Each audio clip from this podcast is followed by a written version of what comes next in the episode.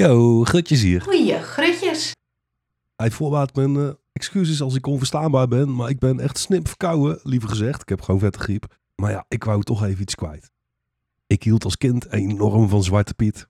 Ik vond er niks mis mee. Toen ik voor het eerst hoorde van mensen die tegen Zwarte Piet waren, was ik woest. Ik dacht, heb je niks belangrijkers om je druk over te maken? Je moet weten dat ik tegen racisme ben. Net als bijna alle Nederlanders trouwens. Al heel mijn leven. Alleen al het idee dat iemand iets racisme kon noemen waar ik als antiracist juist warme kinderherinneringen aan heb, dat vond ik absurd. Daarom kon het niet waar zijn. Die mensen stelden zich aan, besloot ik als witte antiracist. Dit verschijnsel heeft een naam: cognitieve dissonantiereductie. Cognitieve dissonantie is een psychologische term voor de onaangename spanning die je krijgt als je kennis maakt met feiten die tegengesteld zijn aan je overtuigingen.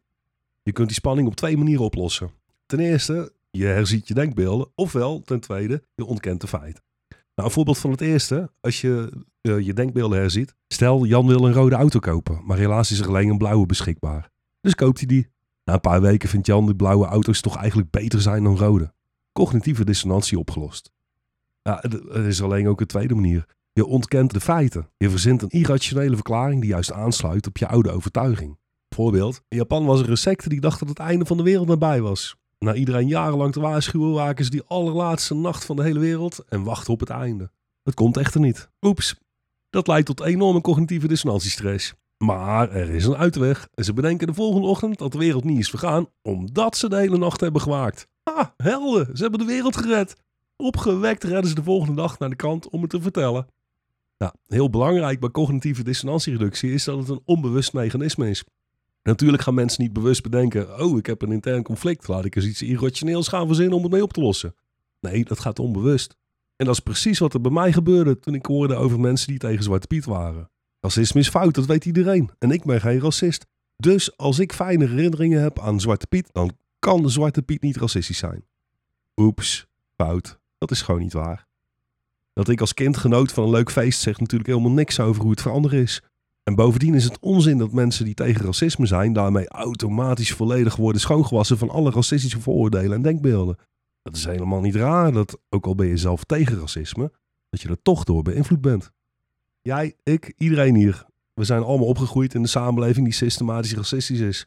Mijn god, uit onderzoek blijkt zelfs dat je nog makkelijker op sollicitatiegesprek mag komen als je erbij zet dat je een veroordeelde crimineel bent, dan wanneer je naam niet Hollands klinkt. We zijn opgegroeid in deze samenleving, waar dit helaas nog normaal is. Normaal.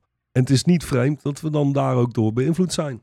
Dat we allemaal een klap van de molen hebben gekregen, zeg maar. Dat je niet meteen alles doorziet, zeker als kind. En dat je ook nu nog af en toe vooroordelen in je hebt, zelfs al ben je tegen racisme, dat is logisch. Je bent niet meteen helemaal fout als mens als je jezelf op een vooroordeel betrapt. Dat ben je alleen als je dat vooroordeel herkent en er dan vervolgens niks mee doet.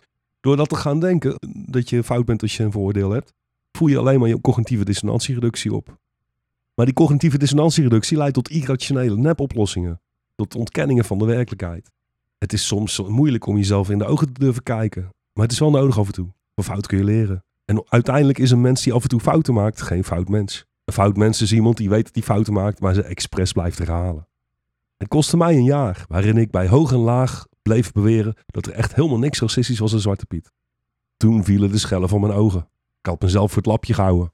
Dat is alweer lang geleden, maar iedereen heeft zijn eigen tempo. Oké, even een muziekje terwijl ik heel erg hard ga hoesten.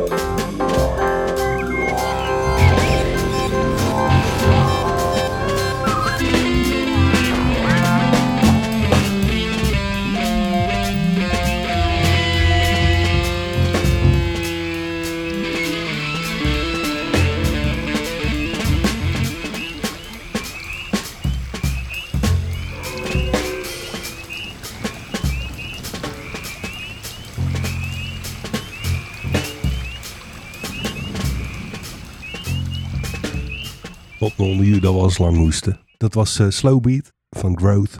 En uh, ja, dat wil eigenlijk gewoon zeggen dat ik 30 instrumenten deed. Uh, weet je daar ook weer. Terug naar Zwarte Piet. Zaterdag is de intocht van Sinterklaas in Eindhoven.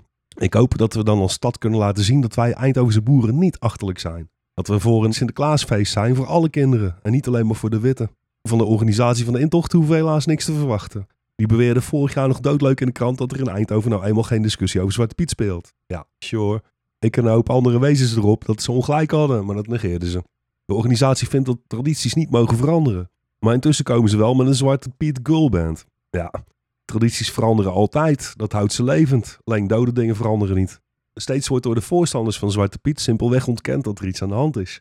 Dat mensen het niet fijn vinden als je ze nadoet. Als je een racistische karikatuur van ze maakt. Een man met het uiterlijk van een slaaf die onhandig en dom is. Die kinderen wil slaan met een roef in een zakkenhond voeren. Nou, dat wordt allemaal steeds ontkend. Voorstanders blijven maar roepen dat hij eruit ziet als een onhandige domme zwarte slaaf. Omdat je zo wordt als je per ongeluk door een schoorsteen heen mietert. En dat Sinterklaas en Kerstman er ook wel doorheen klimmen. En zelfs dat paard van Sint ook nog. Maar die blijven allemaal spierwit. Want die hebben denk ik Jengel en de Jenny in hun binnenzak zitten. Om ze na elk bezoek weer even helemaal held afgeschoon en wit te lullen. Nou, ik was alleen maar per ongeluk aanwezig in die schoorsteen, meneer de rechter. Ik had helemaal niet de bedoeling om te blokkeren of... Uh... Voorstanders blijven me roepen dat Zwarte Piet niet racistisch is en dat wie dat wel vindt, maar terug moet naar zijn eigen land. Ja, sure. Cognitieve dissonantiereductie die intussen gevaarlijke en agressieve vormen aanneemt. Eindhovense hooligans hebben aangekondigd dat ze wel eens even orde op zaken komen stellen. Voorstanders blijven me roepen dat de discussie alleen in de Randstad speelt.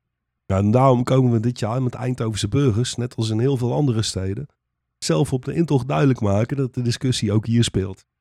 Dat we een kinderfeest willen voor alle kinderen, niet alleen voor witte kinderen die niet worden gediscrimineerd vanwege zwarte huid. We zijn voor Sinterklaas, maar tegen racistische karikaturen. Je kunt dan denken, maar Zwarte Piet verandert toch al heel langzaam? Waar moet dat nou waar die kinderen bij zijn? Nou, ten eerste, waarom denk je dat Zwarte Piet verandert? Er is letterlijk al 70 jaar om verandering gevraagd, maar niemand luisterde. Ook ik niet.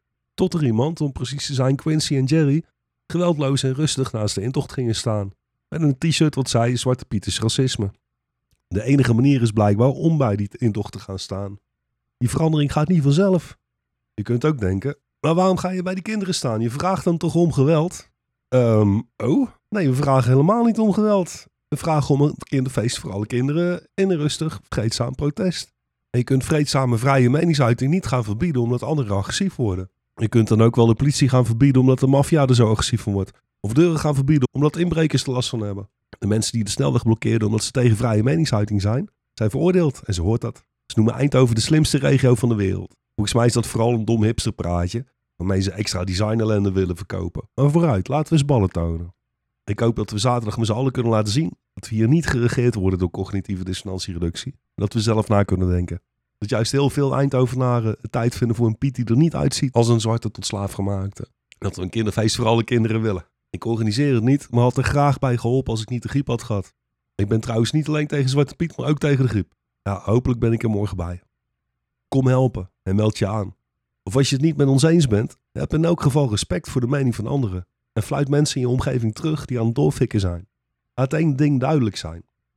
Hoe meer tegenstand, hoe sneller de verandering zal gaan. Onterechte arrestaties, dreiging van hooligans, viaduct die in de Telegraaf mensen probeert op te hitsen tot een burgeroorlog. Het is juist dit soort totaal over de top gedoe wat ons helpt om Zwarte Piet op de agenda te zetten en te houden. Als we daarbij eindelijk weer eens normaal en open kunnen praten met elkaar en niet continu in cognitieve dissonantiereductie schieten, dan zou dat echt fucking fijn zijn.